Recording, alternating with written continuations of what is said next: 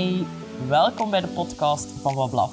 Ik wil jou inspireren om anders samen te leven met je hond, anders te kijken naar opvoeding en ik wil hen vooral een veel luidere stem geven. Vind je de content leuk? Vergeet zeker niet te delen en laat je reacties na op social media, at Wablaf. Ik wil alles horen.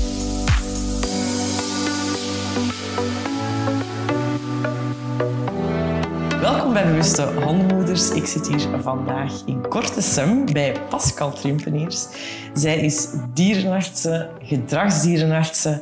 En ja, wij gaan het vandaag een beetje hebben over uh, haar standpunt in, in, in, in, hoe zij hondenwelzijn ervaart, maar ook met welke uh, problemen dat zij eigenlijk geconfronteerd wordt. En, en haar kijk daarop. Pascal, welkom. Goedemorgen. ja, inderdaad, gedrag is um, denk ik een van de jongste takken van de diergeneeskunde, als ik het zo mag noemen. Dus de gedragsdierenarts is misschien iets minder bekend in, qua specialisatie dan. Um, een gedragsonderzoek is ook een heel atypische of andere vorm van diergeneeskunde dan de meeste mensen bij andere takken of specialisaties gewoon zijn van te zien. Het gaat minder naar een klinischer, droger onderzoek van de patiënt, maar het gaat meer over een soort van een totaalpakket. Bekijken hoe een dier al dan niet functioneert en wat daar dan mogelijk de oorzaken Emotioneel ook, hè? Ja, vooral. Ja. Uh, het, gaat, het gaat ook over het temperament waar we mee te maken hebben, het type dier. Um, en hoe dat, dat temperament dan functioneert in de familie of ja. in de context waar die in, in die omgeving mag leven. Ja. Ja, ja, ja. Um, jullie zijn niet wijdverspreid, hè, Pascal? Nee, uh, wij zijn niet zo een, een, een ja, dichte of een grote groep van, van collega's. Nu, um, er komen de laatste jaren wel een aantal mensen bij, jonge collega's, waar we heel blij van zijn. Omdat het toch, zoals ik al zei, een minder gekende tak en misschien ook een minder geliefde tak is voor mensen die diergeneeskunde studeren. Maar ik denk um, dat, dat het toch een heel belangrijk aspect van de diergeneeskunde is en blijft.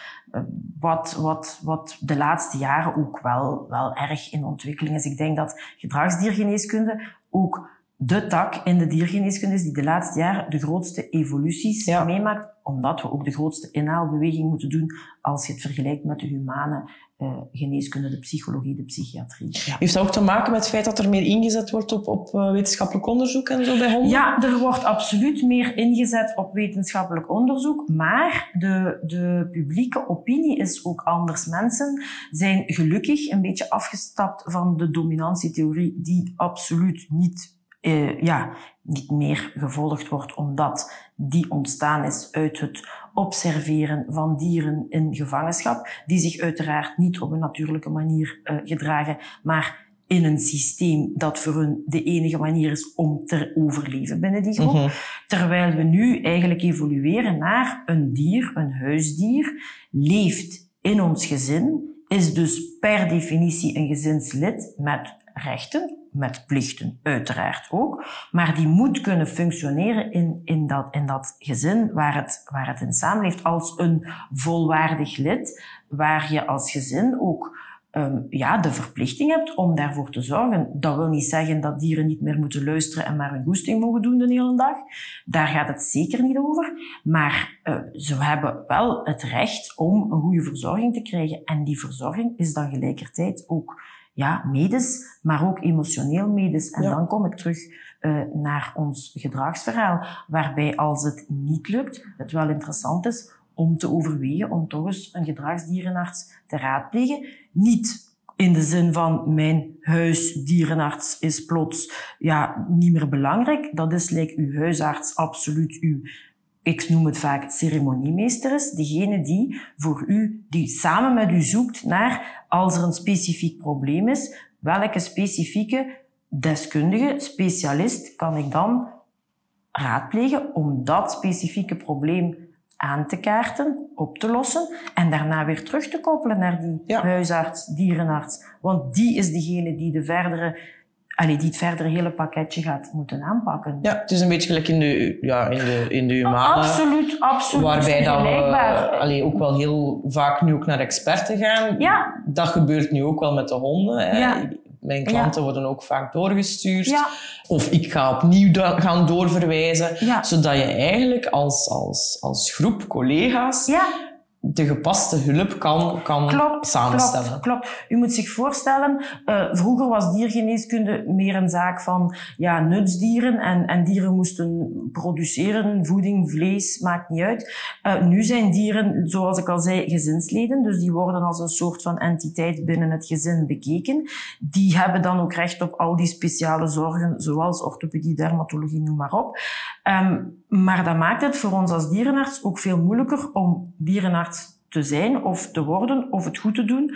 Want als je natuurlijk al die verschillende diersoorten moet kennen en je moet al die verschillende ziektes bij al die verschillende diersoorten ook nog eens gaan ja, eh, daar uw in vervolmaken, dat is een onmogelijke zaak. Dan zijn er twee levens bezig. Voilà. Eh, waarom zou men in de geneeskunde specialisten hebben en zou datzelfde niet kunnen in de diergeneeskunde? Ik bedoel, heel oneerbiedig gezegd, een mens is ook een diersoort, net zoals een hond of een kat. Dat is, en die hebben andere behoeftes, maar de ziektebeelden zijn heel vergelijkbaar. Ja. Eh, een, een hond kan evengoed een depressie krijgen of een angststoornis hebben als een mens. Ehm, ze praten niet in de zin van, ze zeggen het niet met woorden, maar ze zijn absoluut wel ehm, verstandig genoeg om te beseffen of aan te geven dat ze met een probleem zit. Het grote probleem is vaak dat wij het niet altijd zien, omdat dieren van nature uit ook niet per se klagen. Maar komt daar ook bij, ik heb over laatste vergelijking gehoord van ook een gedragsdierenarts, een professor in, in ehm, Engeland, ehm, Sarah Heath, die zei, kijk, eigenlijk moeten we onze dieren nog meer beschermen dan dat we misschien mensen moeten beschermen, want dieren moeten we vergelijken hun hele leven lang met kinderen of met mensen met een beperking. Het is te zeggen, een soort die niet echt 100% voor zichzelf kan instaan.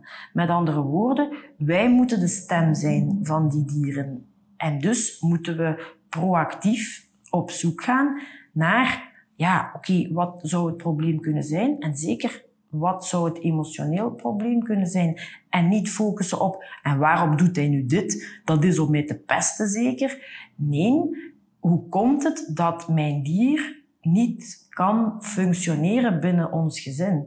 Ik vind het mooi dat je het zegt, Pascal, omdat ehm, als ik bijvoorbeeld praat over het, het bijtgedrag van mijn eigen kinderen, Ja. dan durven mensen ook wel zo eens aan, ja, maar dat is wel stout, hè. dat moeten we wel in de kiem smoren. Ja, En dat ik al direct wil, wil teruggeven ja, maar eh, dat is een manier van het jonge kind om aan te geven dat er iets aan de hand is waar hij niet mee om kan gaan. mhm, klopt. En je ziet dat vergelijkbare gedrag ook bij, bij honden, dat zij bijvoorbeeld bijten gaan Ja. inzetten om te communiceren over hoe zij zich voelen intern. En dat heeft niets met mij als persoon te maken, Nee, maar dat heeft alles met hen als persoon te Tuurlijk, maken, of als individu te maken. Nee, ja. Ja, komt daar nog bij dat bijten heel vaak door mensen... Ja, dat het vaak tot bijten moet komen, zal ik zeggen. Eer mensen beseffen dat er iets ja, misgaat. Veel mensen hebben dan ook soms een beetje wat angst om dat bijtgedrag zeker te bespreken met hun dierenarts, huisdierenarts, omdat ze denken dat die per definitie het spuitje gaat voorstellen, want het kan toch niet dat een hond bijt. Ehm, en als mensen dan komen voor een gedragsconsultatie en we zeggen dan, ja maar kijk, de vraag is niet hoe gaan we dat bijten eruit krijgen, de vraag is wat drijft een dier ertoe om de hand die voor hem zorgt, degene die voor voedsel, onderdak en alles zorgt, om die aan te vallen. Dat kan alleen maar, allee, of heel vaak alleen maar betekenen dat hij letterlijk ten einde raad is. Dat hij waarschijnlijk al op heel veel manieren heeft proberen zijn eigen levenssituatie voor zichzelf beter te maken, wat mogelijk niet gelukt is. En dan blijft alleen het bijten over, omdat het spijtig genoeg heel vaak zo is, dat dat het enige is dat baasjes dan letterlijk aanzet tot, oké, Nu moet er iets gebeuren. Klopt. Het is een beetje zoals dat we... Ja, ik, wij doen het ook. Hè, van zodra er een kind agressie inzet, geven we daar veel aandacht aan. Mhm.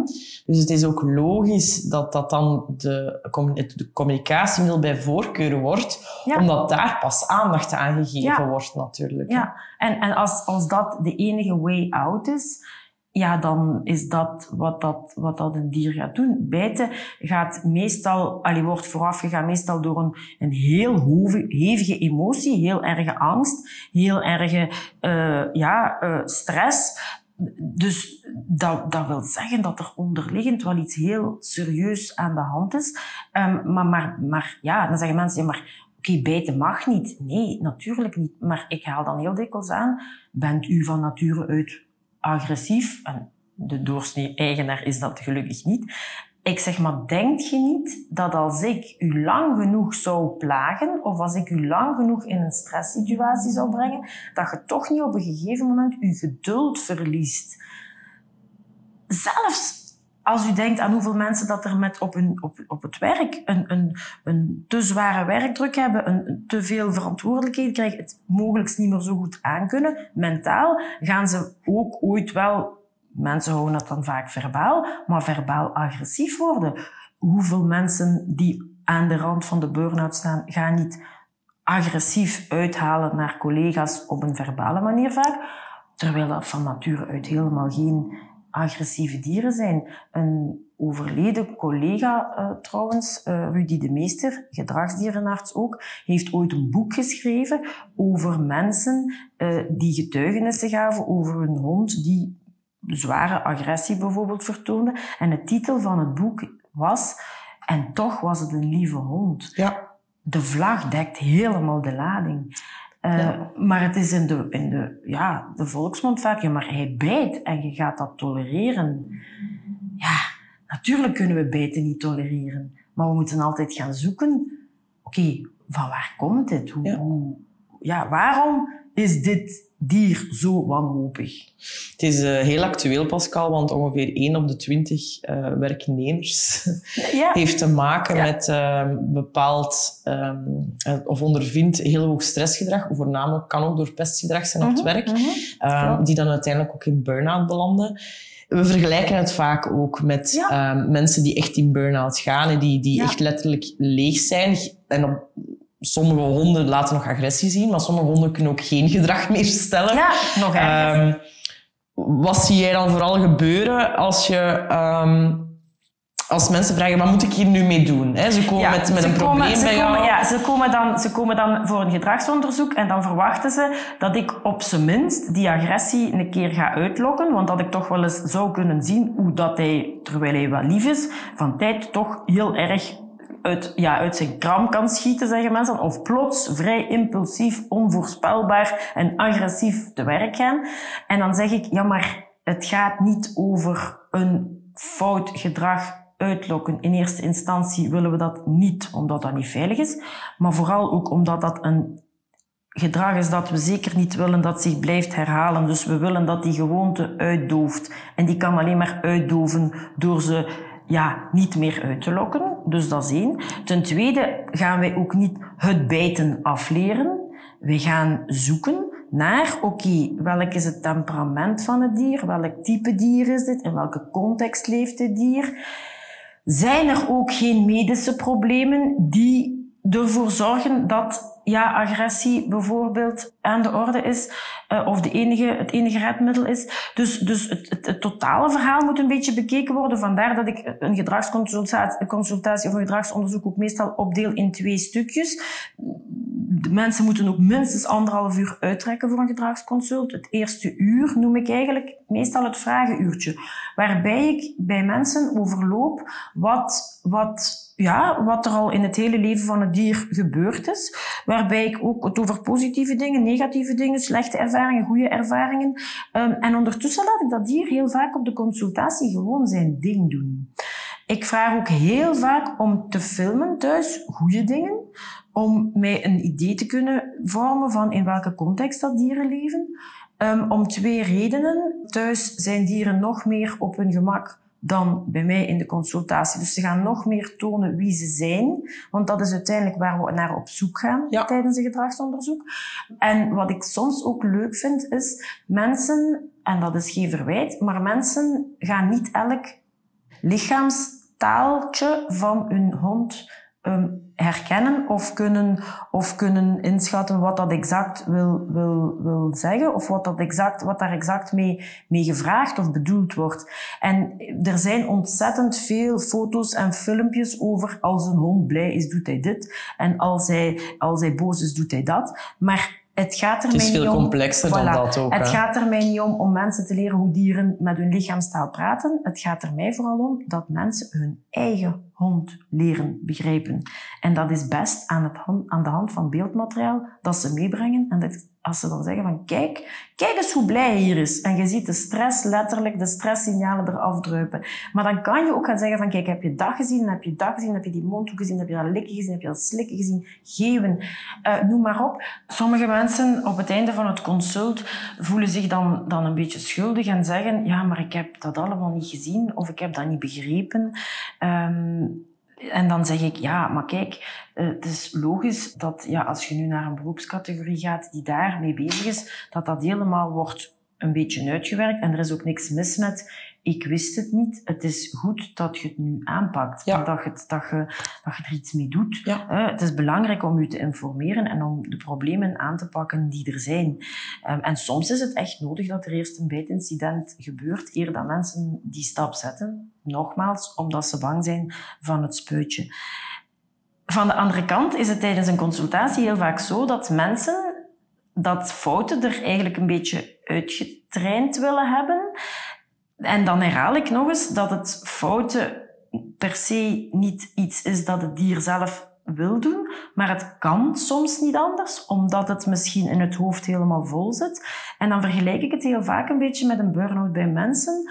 Als het er niet meer bij kan, niks meer erbij kan, dan gaan we in een soort van survival modus en dan wil je alles en iedereen uit je buurt, want dan wil je gerust gelaten worden. En heel vaak is de eerste stap na een gedragsconsultatie, waar mensen dan verwachten dat ze een hoop huiswerk gaan krijgen, we gaan starten met rusten. Ja. En dan zeggen mensen, ja, maar als ik niet ga oefenen, leert hij het nooit. En dan maak ik weer de vergelijking naar de burn-out. Dan zeg ik, hoe in godsnaam kan het rationele stuk van je hersenen gaan terug functioneren? Hoe kan je terug iets gaan leren als het emmertje helemaal vol zit? Ja. Als we in een chronische stresssituatie zitten, vergelijkbaar met het zou best kunnen dat hier ten allen tijde een gevaarlijke tijger achter de muur uitgevlogen komt die mij gaat opeten. Want dat is een even grote emotie dan ik kan het niet meer aan, ik ben op, ik ben leeg, ik ben moe. Zit hem denk ik ook een beetje in de verwachting van oké, ik zet de stap naar de gedragsdierenarts of naar eh, de, de gedragscoach. Ja. En dat er dan verwacht wordt van, van één sessie, van Ja, één, eh, één onderzoek of één, één, één consult. Ja. Dat, dat je dan met de oplossing of met je Ja. magisch stokje kan zwaaien. Maar als je dan kijkt dat, we zeven, allee, dat je bij je pupje zeven, acht Ja. sessies of, of school of klasjes volgt om je pupje een houding aan te leren. Ja. En dat is ook nieuw gedrag. Ja, hoe kan het dan in godsnaam zijn dat Ja. wij verwacht worden op één gesprek, Mhm. laat, ik laat er nog tussen het midden of dat dan 50 minuten is of, of een uur en een half, om daar dan ja, nieuw gedrag te kunnen Ja. gaan creëren. Nee, nee, nee. Klopt, klopt. Nu, de eerste, het eerste gedragsonderzoek is altijd een langer onderzoek, sowieso. Daarom spreek ik ook over een uur en een half, omdat je eigenlijk het temperament en de hele situatie een beetje moet kaderen. Het laatste stuk van het gedragsonderzoek gaat het dan bij de gedragsdierenarts heel vaak over ondersteunende medicatie. Die, apropos, wil ik er zeker bij vermelden, niet verslavend, niet drogerend is en zeker niet de bedoeling heeft de hond op een roze wolk te zetten en of olifantjes te zien vliegen ergens. Daar gaat het niet over. Het gaat erover om het, het verstandelijke stuk van de hersenen wat meer terug te triggeren, eh, waarbij leren weer kan. Maar we moeten inderdaad eerst dat emmertje leeg krijgen. En het klopt absoluut dat niet in één lesje of in één sessie. Dat kan allemaal um, opgelost worden. Ik vergelijk heel vaak uh, onze, onze structuur veterinair met de menselijke structuur. Kinderen gaan naar school, naar de kleuterklas en, en naar, naar het lager onderwijs om te leren lezen en schrijven. En dat gaat in principe allemaal relatief gemakkelijk, op voorwaarde dat die kinderen emotioneel in evenwicht zijn. Ja. Als dat tegenvalt, dan wordt er een psycholoog eh, aangesproken. Eh, de, de, psychologen in de diergeneeskunde noem ik dan de gedragsdeskundigen, waar ik u dan uh, onder reken. Um, en als het dan echt niet lukt om de patiënt in een leermodus te krijgen. Dat wil zeggen dat kopje leeg genoeg te krijgen door te rusten, door eventueel relaxatieoefeningen te doen, door een evenwicht te vinden tussen inspanning en ontspanning, noem maar op. Als dat allemaal niet werkt, dan moeten we soms grijpen naar medicatie. Maar ook daar is een hele evolutie. En 27 jaar geleden, als ik, als ik afstudeerde, dan werd er medicatie gebruikt, heel weinig, quasi niet werd ook gereserveerd voor de hopeloze gevallen, zoals we ze noemen. Want die zijn er soms ook, spijtig genoeg. Gelukkig niet te veel. Maar dan was de succesrate natuurlijk niet zo groot, omdat de definitie van een hopeloos geval is dat het hopeloos is. En dan is er nu toch wel een evolutie naar van als wij denken dat het voor de patiënt een meerwaarde zou kunnen betekenen om hem medicamenteus wat te ondersteunen, ik herhaal nogmaals, hem te helpen om beter te kunnen leren en beter uit de emotie te kunnen blijven, dan gaan we dat wel relatief snel inzetten, omdat het resultaat vaak wel wat bespoedigt, wat voor baasjes wel leuk is, maar wat ook voor de levenskwaliteit van de patiënt een goede zaak betekent. Het zal denk ik ook een beetje afhangen van de bereidheid. Ja, um, tuurlijk. Want natuurlijk heel veel heeft te maken in eerste instantie, als we zeggen ja, we willen meer rust toevoegen, context aanpassen, ja, moet, moeten die mensen ook natuurlijk bereid zijn ja. om die factoren bij te sturen. Dus een beetje gelijk tegen mij zeggen van ja, je kind is eigenlijk doodop van alle inspanningen en prikkels die hij ervaart mm -hmm. doorheen de dag. Ja, als ik niet de bereidheid toon om hem dan middagdutjes aan te bieden of meer rust te gunnen thuis of misschien niet fulltime naar school te laten gaan, ja, dan gaat het probleem, zelfs met medicatie, nooit weggaan. Want Tuurlijk. ik pak die basis niet aan. Dus daar is ja, de bereidheid medicatie, waarschijnlijk. Ja, voilà. Medicatie, er zijn twee types klanten, zal ik ze noemen. De patiënt noem ik het dier en de klant noem ik de eigenaar. Um, er zijn mensen die heel veel, heel echt aversief staan ten opzichte van medicatie, omdat ze ervan uitgaan dat het per definitie ongezond is enzovoort. Er zijn van de andere kant ook mensen die absoluut het snelle pilletje willen. Mm -hmm. Maar het snelle pilletje bestaat niet. Psychofarmaca doen eigenlijk aan neuroplasticity. Dat wil zeggen het boetseren in de hersenen. En boetseren gaat niet op 1, 2, 3. Er moet een geleidelijke verandering komen, waardoor de emotie wat minder belangrijk wordt en waarbij het rationele stuk wat functioneler kan worden. Waarmee ik dan ook weer niet wil zeggen dat er geen emotie meer gaat zijn. Alleen het overdreven emotioneel zijn, dat gaat er wat uit, want dat is nergens voor nodig. Het heeft geen zin om de hele dag bang te zijn voor iets wat waarschijnlijk nooit gaat gebeuren. Ja. ja. En dat is waar sommige dieren eigenlijk in verzeild geraken. Nu, van de andere kant is de gedragsdierenarts iemand die uiteraard ook medisch geschoold is. En heel veel, de meerderheid van de patiënten die ik zie, zijn patiënten die eigenlijk onderliggend medische problemen hebben, waardoor hun gedrag natuurlijk niet positief kan beïnvloed worden. Als wij zelf een fysiek probleem hebben, worden we daar ook niet happy van. 80 procent, denk ik, ja, het ratio was ja, ongeveer. Ja, het, is, het is gigantisch. En een van de meest gemiste diagnoses in mijn ogen in de diergeneeskunde is dan pijn. Ja. Omdat pijn, um, pijn is niet alleen ik breek mijn been, en toen was de poot over en we trekken een foto en iedereen ziet het. Of ik zit met een gigantische tumor en uh, die drukt ergens, weet ik waar, waardoor ik pijn heb. Pijn kan ook een gevolg zijn van een chronische spierspanning, omdat ik continu in de stress zit. Ja. En dan gaan we zelfs naar, naar een soort van, je kunt het bijna fantoompijnen noemen, want er is in C niet een ernstig probleem. Soms wordt er ook te weinig pijnstilling gegeven bij allerlei ingrepen, maar dat dateert eigenlijk een beetje uit een periode die nog niet zo lang geleden is. Als ik 27 jaar geleden afstudeerde, was er quasi niets op de markt, veterinair, om een goede pijnstelling te voorzien bij dieren. Dat choqueerde mij onlangs, en dat is nu weer een, een hop naar de andere kant van, van de dierenwereld, maar het choqueerde mij enorm dat ik te weten was gekomen dat slechts uh, sinds de jaren tachtig er verdoving wordt gebruikt bij operaties op baby's. Ja, dat is was vergelijkbaar. Is vergelijkbaar. Zo chockerend. Maar dat is, ja, dat is vergelijkbaar. En ik snap de medische wereld wel. Wij zijn echt geen beulen. Maar het probleem... Allez, er zijn twee problemen bij die baby's, jonge kinderen, maar dat is vergelijkbaar met onze honden en katten. Die hebben geen stem. Ik bedoel, die kunnen niet echt praten en kunnen niet zeggen wat exact ze gevoeld hebben of hoe exact ze zich voelen. En daardoor hebben die, ja, worden die vaak niet echt gehoord. Dat is één.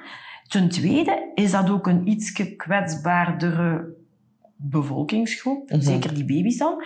En natuurlijk, ja, pijnstilling, narcose, analgesie. Um, ja, het is ook niet 100% ongevaarlijk. Elk medicament heeft ook wel ergens een nevenwerking of iets wat minder goed is. En we willen die gevoelige categorie dan misschien beschermen. Maar ja, soms redeneren we gewoon fout. Ik, wij, ik heb nog ooit onderwezen gekregen dat het zeker niet verstandig was om postoperatief um, medicijnen allee, ter pijnstilling te geven. Eén, omdat er waren er ook quasi geen. En zeker geen met, met weinig nevenwerkingen.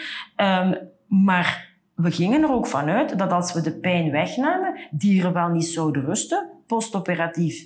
En ze per definitie wel zouden sneller dingen doen die eigenlijk niet mogen, omdat ze moeten genezen.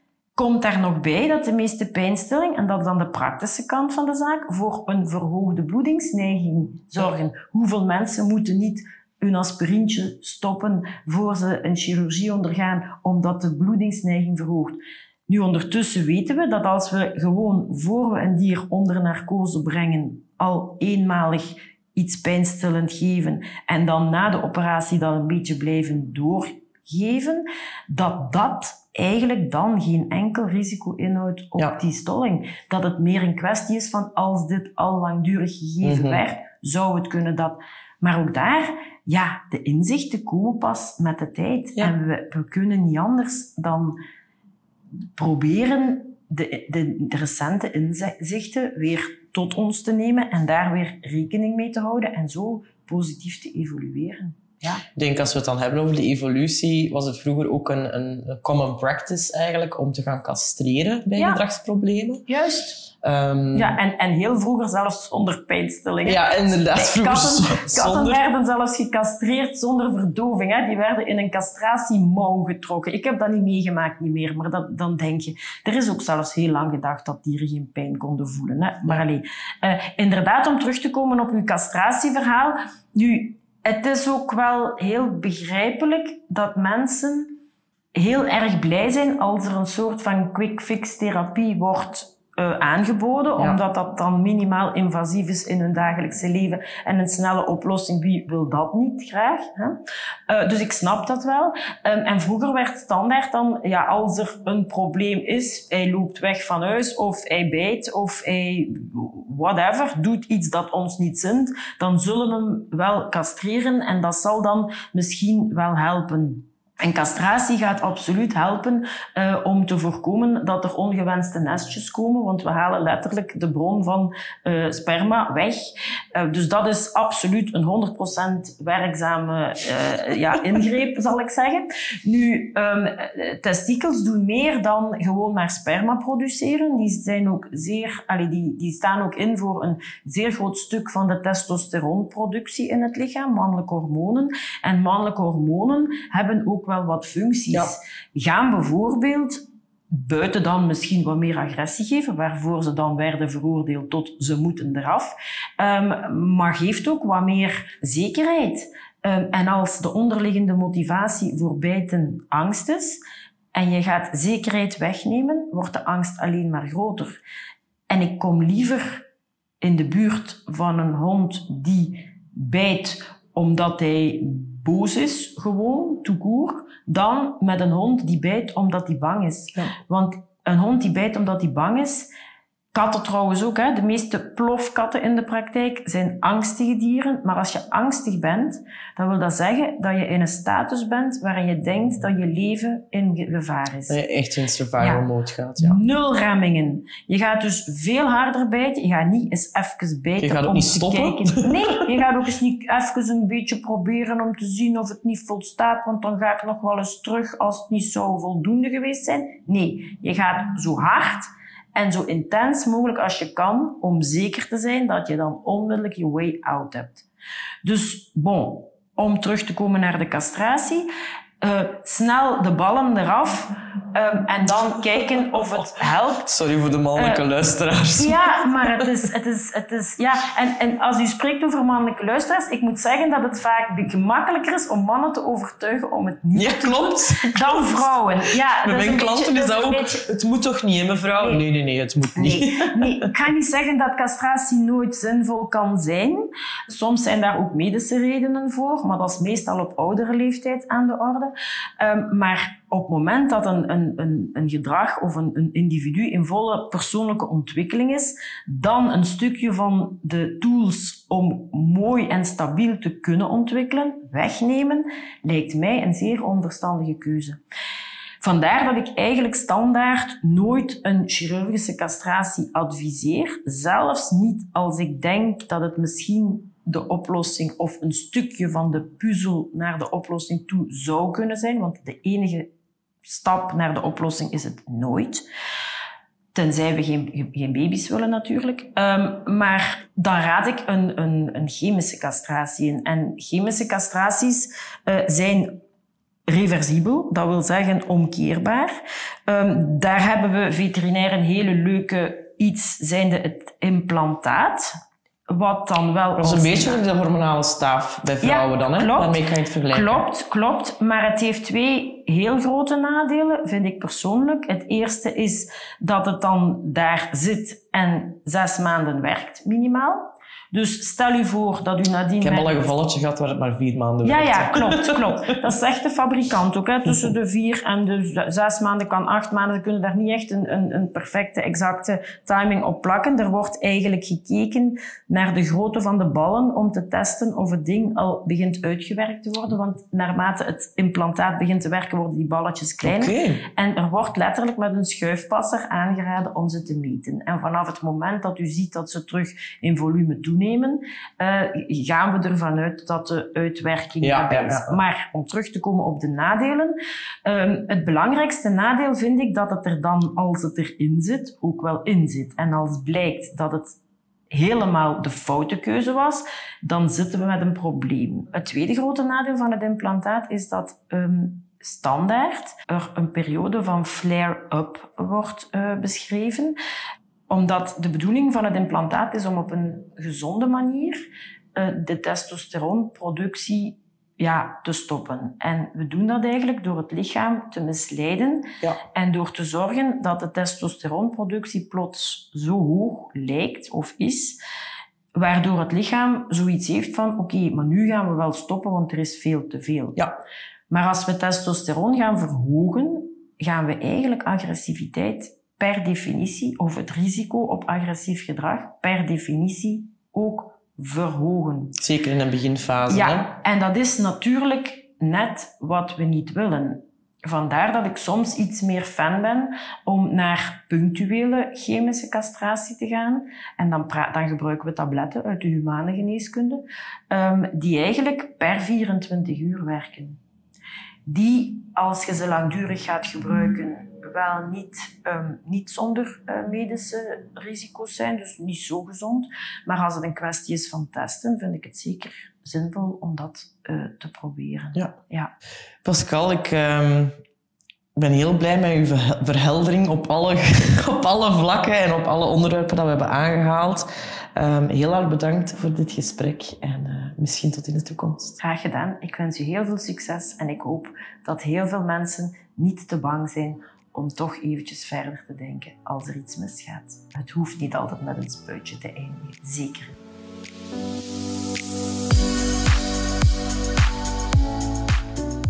bedankt om te luisteren. Nu nog iets meer naar onze honden en dan zijn we op weg naar een betere wereld. Salut!